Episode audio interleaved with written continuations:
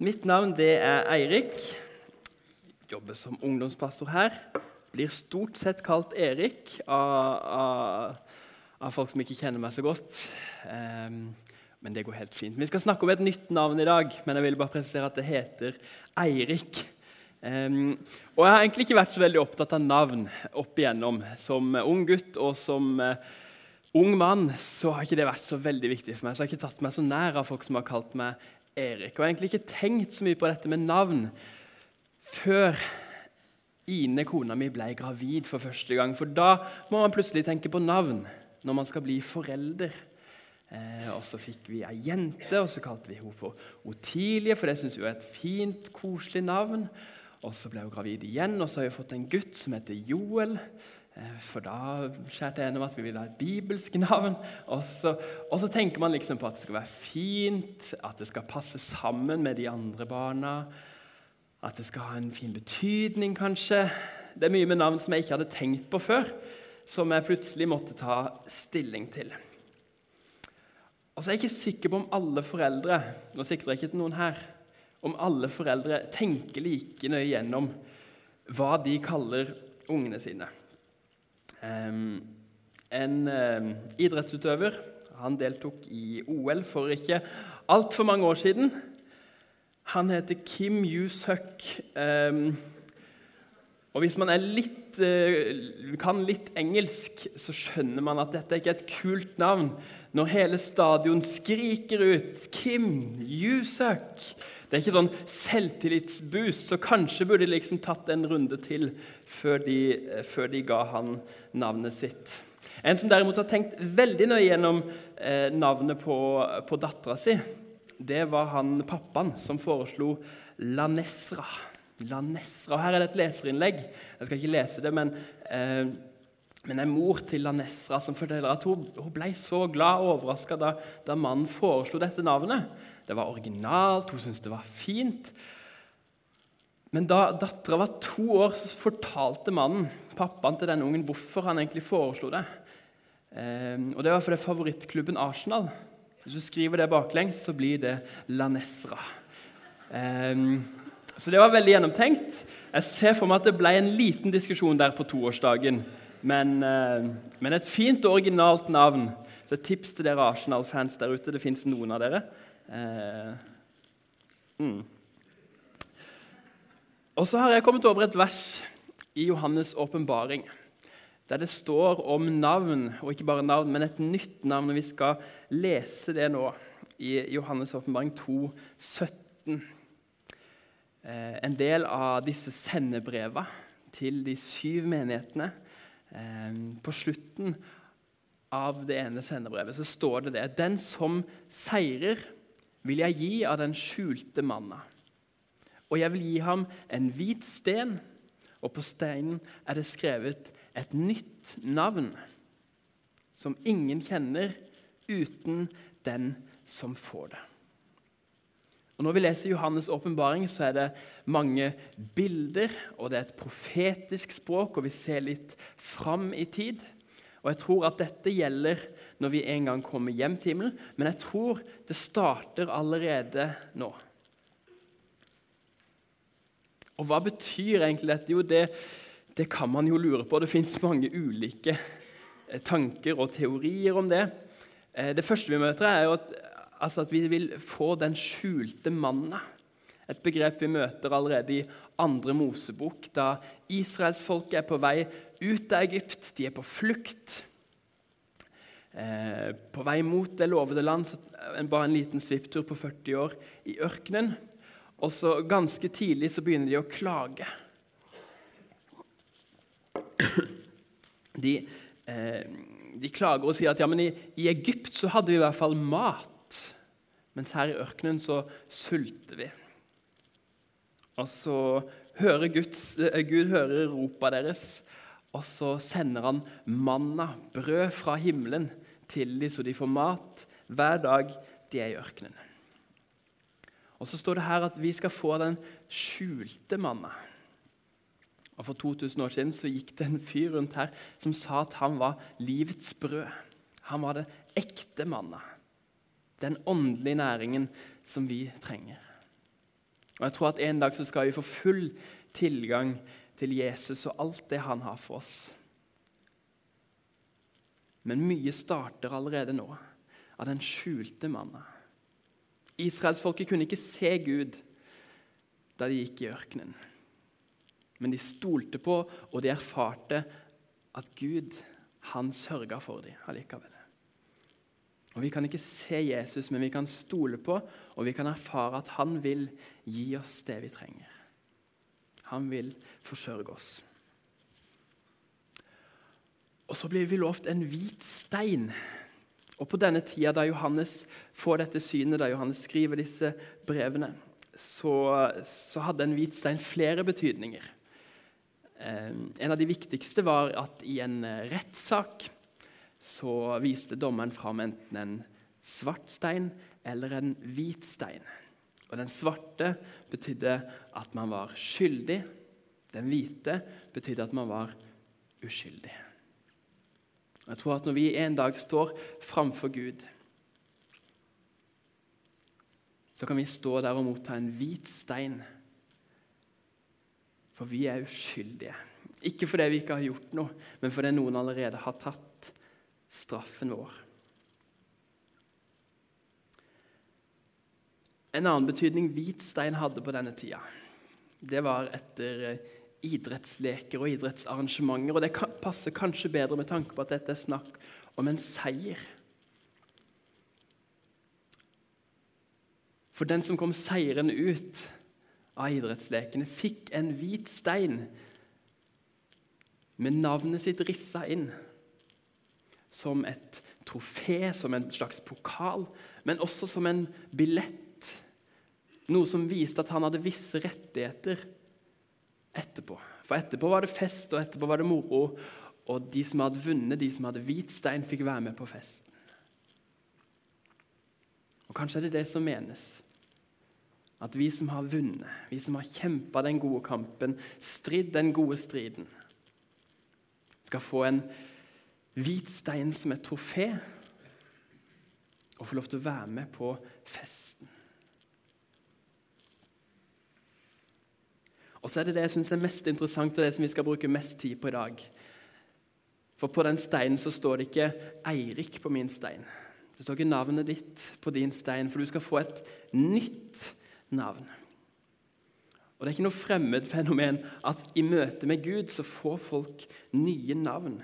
Simon, disippelen til Jesus, han ble kalt Peter, som betyr klippe. Og Jesus sa da han fikk dette navnet, at på denne klippet, på deg, Peter, vil jeg bygge min kirke. Han fikk et nytt navn som passa til det oppdraget han fikk. Abraham het før Abraham. Og Abraham betyr far til alle folkeslag.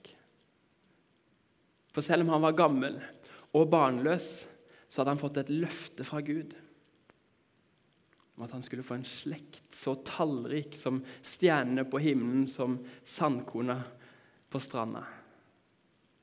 Og så fikk han et navn som passa til kallet. Han fikk et navn som passa til løftet. Forfølgeren Saul, som betyr den ettertraktede, kanskje litt høy på pæra, han er mer kjent som Paulus etter at han ble en kristen, etter at han møtte Jesus. Og Paulus betyr liten eller ydmyk. For Han måtte være det i sin tilnærming. Han måtte være det når han hadde gått fra å være en berykta forfølger og en ettertrakta mann til å bli en Jesu etterfølger. Og Så skal vi til en historie om to tvillinger fra Gamle testamentet, Jakob og Esau. Sønner av Isak og Rebekka. Og Vi skal lese her fra fødselen til Rebekka, fra Første Mosebok kapittel 25. Der står det da tiden kom og hun skulle føde, var det tvillinger i morslivet hennes. Den første som kom, var rød og hårete som en fell over hele kroppen. De kalte ham Esau. Esau det kan bety både rød og hårete, så det var et navn som passa ganske godt. Så kom broren. Han holdt Esau i hælen med hånden. Derfor kalte de ham Jakob. Jakob betyr rett fram, enkelt og greit, den som griper hælen. De var veldig praktiske da de ga navn, særlig i Gamle testamentet. Det var liksom ok, Her har vi en rød hårete, vi kaller han rød hårete. Oi, han nummer to her, han holdt i hælen, vi kaller han holdt i hælen. Eh, jeg vet ikke om det hadde funka så godt i dag, men dette var navnene de fikk. Problemet til Jakob var at det å komme som nummer to, det å komme rett etterpå Det gjorde at han mista en del privilegier som broren skulle få. For det å være førstefødt og førstefødselsretten på den tida det var en ganske big deal. I tillegg var det den førstefødte som skulle få velsignelsen av faren før han reiste hjem. Så Jakobs navn han som griper i hælen, det minte han hele tida på at han var nummer to. At han var han som nesten klarte det. Han som kom litt for seint. Men så var han en luring, og så kjøpte han førstefødselsretten av broren sin da broren var på et eh, dårlig sted i livet. Han var skrubbsulten, og Jakob hadde mat. Og Jakob sa du får ikke mat hvis ikke jeg får førstefødselsretten din. Esau var desperat og solgte førstefødsel, førstefødselsretten sin for en eh, bolle med suppe. Og så stjal han velsignelsen fra faren da han kledde seg ut som Esau. Isak hadde begynt å få dårlig syn. Han var blitt en gammel mann og var klar til å velsigne sin førstefødte sønn. Jakob tok på seg noe dyrepels for å virke hårete. Og Esau med dårlig syn han kunne ikke se, så han kjente og kjente at her var det en hårete gutt. Det må være Esau. Og så fikk han farens velsignelse. Og Derfor har også Jakob blitt et slags synonym til bedrager. Det er ikke det i 2023, men på denne tida så var det det. Og i lang tid etterpå. En som narrer, en som lurer, en bedrager. Og Det forfulgte han også. Han måtte flykte, for Esau var naturlig nok rasende på boren sin. Han måtte flykte for livet. Levde mange år en annen plass. Og Så kommer vi til en natt som er helt spesiell for Jakob, for han får besøk fra Gud. Og Det er ikke et vanlig hyggelig besøk hvor Gud sier 'frykt ikke, for jeg har kommet i fred'. Nei, det er et besøk hvor Jakob faktisk må kjempe og slåss med Gud. Det står det i 1. Mosebok 32 at Jakob var alene tilbake, og en mann kjempet med ham helt til det grydde av dag. Da mannen så at han ikke kunne vinne over ham, ga han Jakob et slag over hofteskålen. Så hoften gikk ut av ledd mens de kjempet. Og han sa, 'Slipp meg, for morgenen gryr.' Men Jakob svarte, 'Jeg slipper deg ikke uten at du velsigner meg.' 'Hva heter du?' spurte mannen. 'Jakob', svarte han. Da sa mannen, du skal ikke lenger hete Jakob. Israel skal være navnet ditt, for du har kjempet med Gud og mennesker og vunnet. Da ba Jakob, si meg navnet ditt. Han svarte, hvorfor spør du om navnet mitt?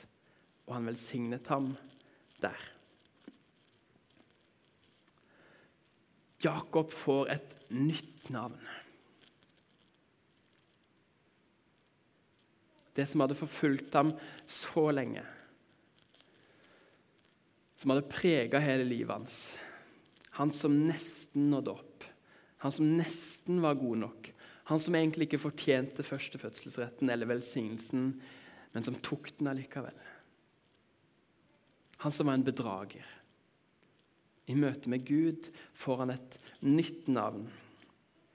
Og jeg har Flere ganger da jeg har lest denne historien om Jakobs kamp, stussa litt på dette, for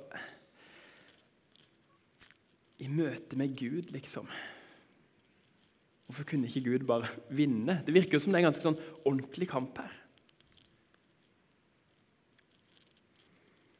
Og så har jeg tenkt som pappa selv at eh, det hender jeg sitter på gulvet, og ungene mine prøver å dytte meg over ende. Lekeslåss litt. Og jeg klarer jo å sitte oppreist hvis jeg vil. Men allikevel så lar jeg de vinne.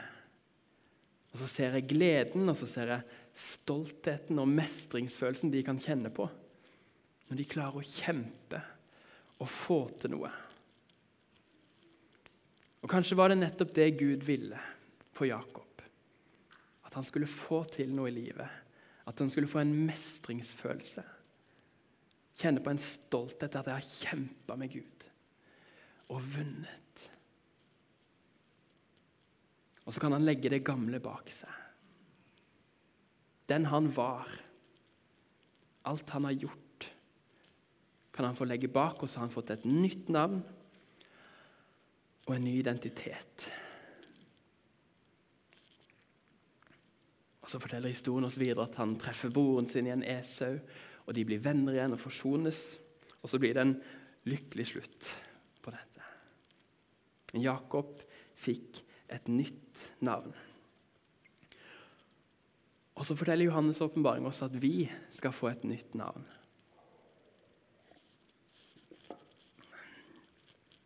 Og Jeg vet ikke hva som ligger i ditt navn av eh, identitet, av nederlag og seire, av skuffelser og skam.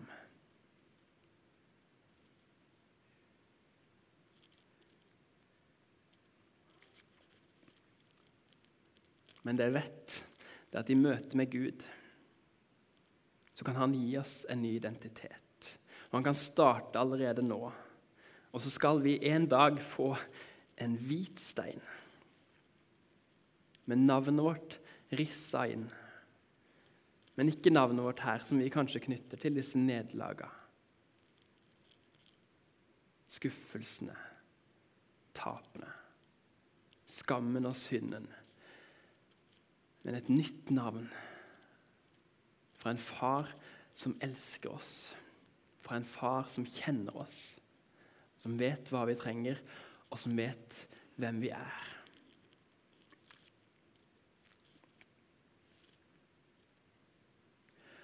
Og jeg tror det at våre handlinger og vår historie ikke forteller hele sannheten om hvem vi er. For den er det Gud som forteller. Våre tanker om oss selv de er ikke nødvendigvis sanne. Våre handlinger trenger ikke å prege oss videre framover. For i møte med Gud så kan vi få et nytt navn, en ny identitet. Vi kan legge det gamle bak. Og så kan vi se framover og ha håp og framtidstro. Nå kan eh, lovsangstimen kommer opp, så skal Hanna synge en sang som, eh, som heter 'You Say'. Som handler om det at det er hvem Gud sier at du er, som er sannheten. Ikke dine handlinger, ikke dine vonde følelser og dårlige tanker. Men den Gud sier at du er, det er sannheten. Vi skal be. Kjære Gud, takk for at du kan gi oss et nytt navn og en ny identitet. Hjelp oss til å legge det gamle bak og se framover. Hjelp oss til å ta imot det du sier om oss, hvem du sier at vi er. Jeg ber om velsignelse over alle som er her. Amen.